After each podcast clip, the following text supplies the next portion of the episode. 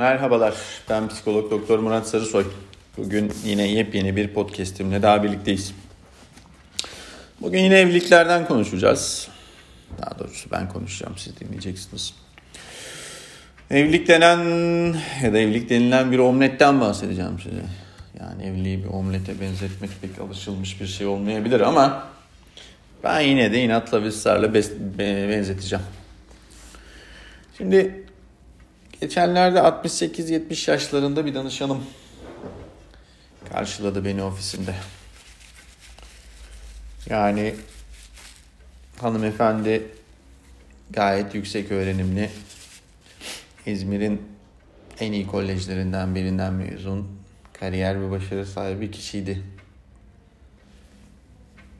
Yani kendi de çok iyi bilmiyordu neden burada olduğunu ama gelmişti işte. Laf lafı açtı. Eşinden bahsetmeye başladı. Kendisiyle aynı yaşta akademik kariyere sahip.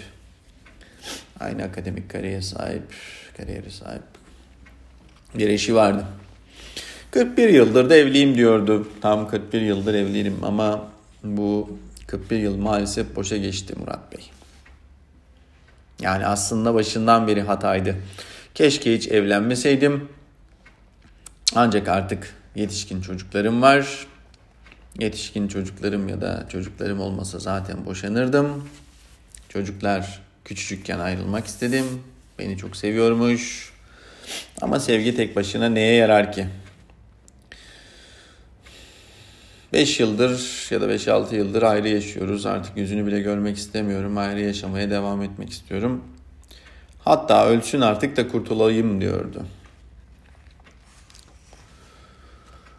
Peki ya ne olmuştu? Neden bu hale gelmişlerdi? Ya aslında olanlar basitti. Hiçbir şey olmamıştı. Eşi hiçbir şeyle ilgilenmemiş. Hiçbir yardımı olmamıştı. Keseleri ayrıydı. Ayrı ceplerden harcıyor. Ayrı ceplerden yaşıyorlardı. Dışarıda yedikleri yemeklerin hesabı bile ayrı ödeniyordu. Sorun mu neydi? Biz olamamışlardı. Ve hanımefendinin eşinin de zaten biz olmak gibi bir derdi ya da niyeti de yoktu anladığım kadarıyla. Böyle görmüştü, böyle yaşamıştı, böyle de yaşamaya devam edecekti. Böylelikle yıllar geçti gitti. Tükenmiş bir şekilde karşıma gelen artık ömrünün sonbaharındaki bu insan için kalan ömründe onu mutlu edecek yollar bulmasına yardım etmekten başka da bir çarem yoktu zaten.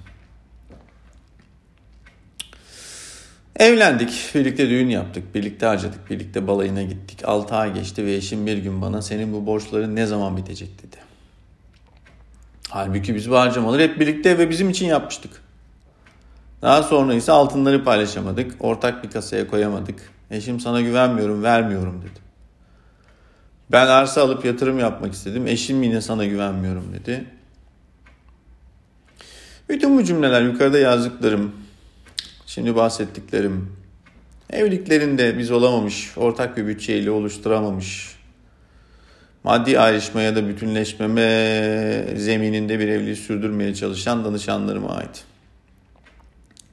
Ne yazık ki bahsettiğim bu tanımlamalar, bu cümleler evlilikte daha maddi uyumu, birlikteliği birlikte sağlayamayacak zihniyetteyken evlenmiş kişiler tarafından kurulan cümleler. Ve bu toplumda oldukça, bunda da anormallik görülmedikçe, insanlar bunu normal karşıladıkça bu tip evlilikler de kurulmaya devam edecekler ve bence bunlar normal falan değil. Evlilikte biz olmak kavramının ölçütlerinin başında maddi birliktelik ve güven duygusu gelir.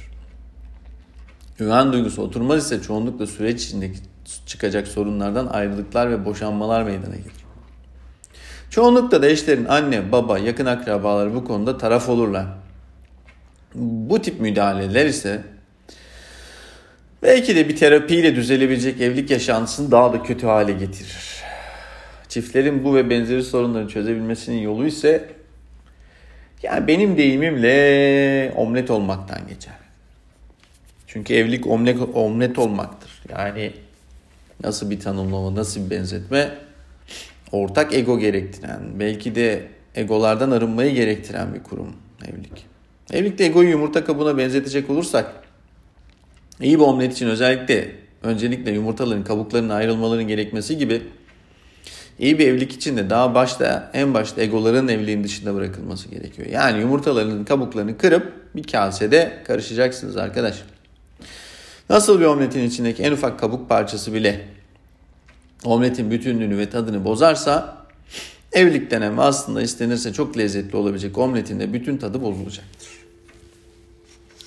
Yani evlilik dışarıdan bakıldığında hayata dair doğal bir yapılanma gibi görünse de aslında taraflar doğal ve istedik, istekli olmadıkları sürece doğal olması ve de kalması mümkün değildir. Evli olan çiftler ticari, ticari bir ortaklıktaki gibi maddi kaygılarla hareket ederlerse aynen güvensiz bir ticari ortaklıktaki gibi sürekli kandırılmaktan ya da sömürül, sömürülmekten korkarlarsa bu noktada da evliliğin doğallığından zaten bahsedemeyiz. Bu nedenle öncesinde evlilik sözleşmesi yapılan evliliklerde dahil olmak üzere bütün evliliklerde bütçe ortak olmalıdır.